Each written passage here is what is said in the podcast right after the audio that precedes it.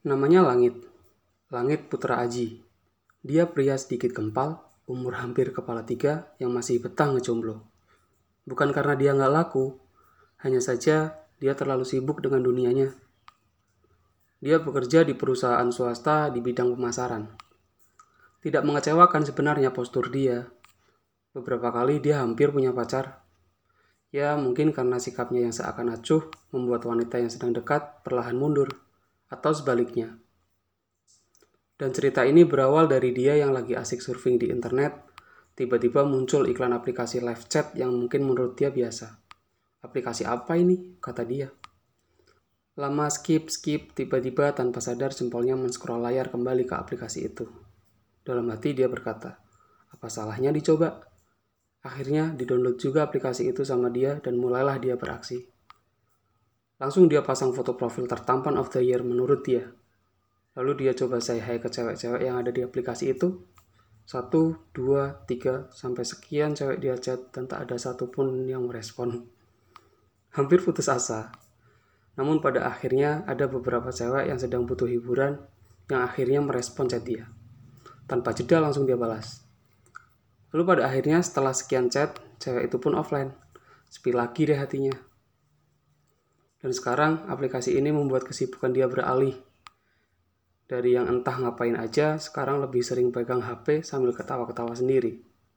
Sudah semakin sering dia dapat kenalan, tapi tak ada satupun yang pernah diajak ketemuan.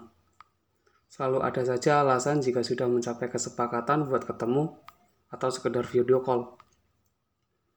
Ternyata dia sedang tidak percaya diri dengan fisiknya.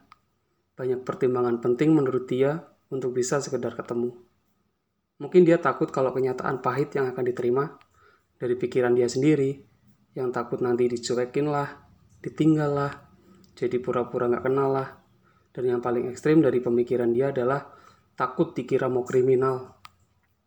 Karena postur sedikit kempal, jadi mungkin agak serem menurut dia. Sekian lama telah berlalu. Dan bisa dibilang kalau langit sekarang sudah mulai pro dari gombal sampai modus. Mungkin kalau ada ranking di aplikasi itu, dia udah bisa dibilang master. Hanya saja hasilnya nol besar. Cuma modusin aja dan masih gak berani buat ketemuan.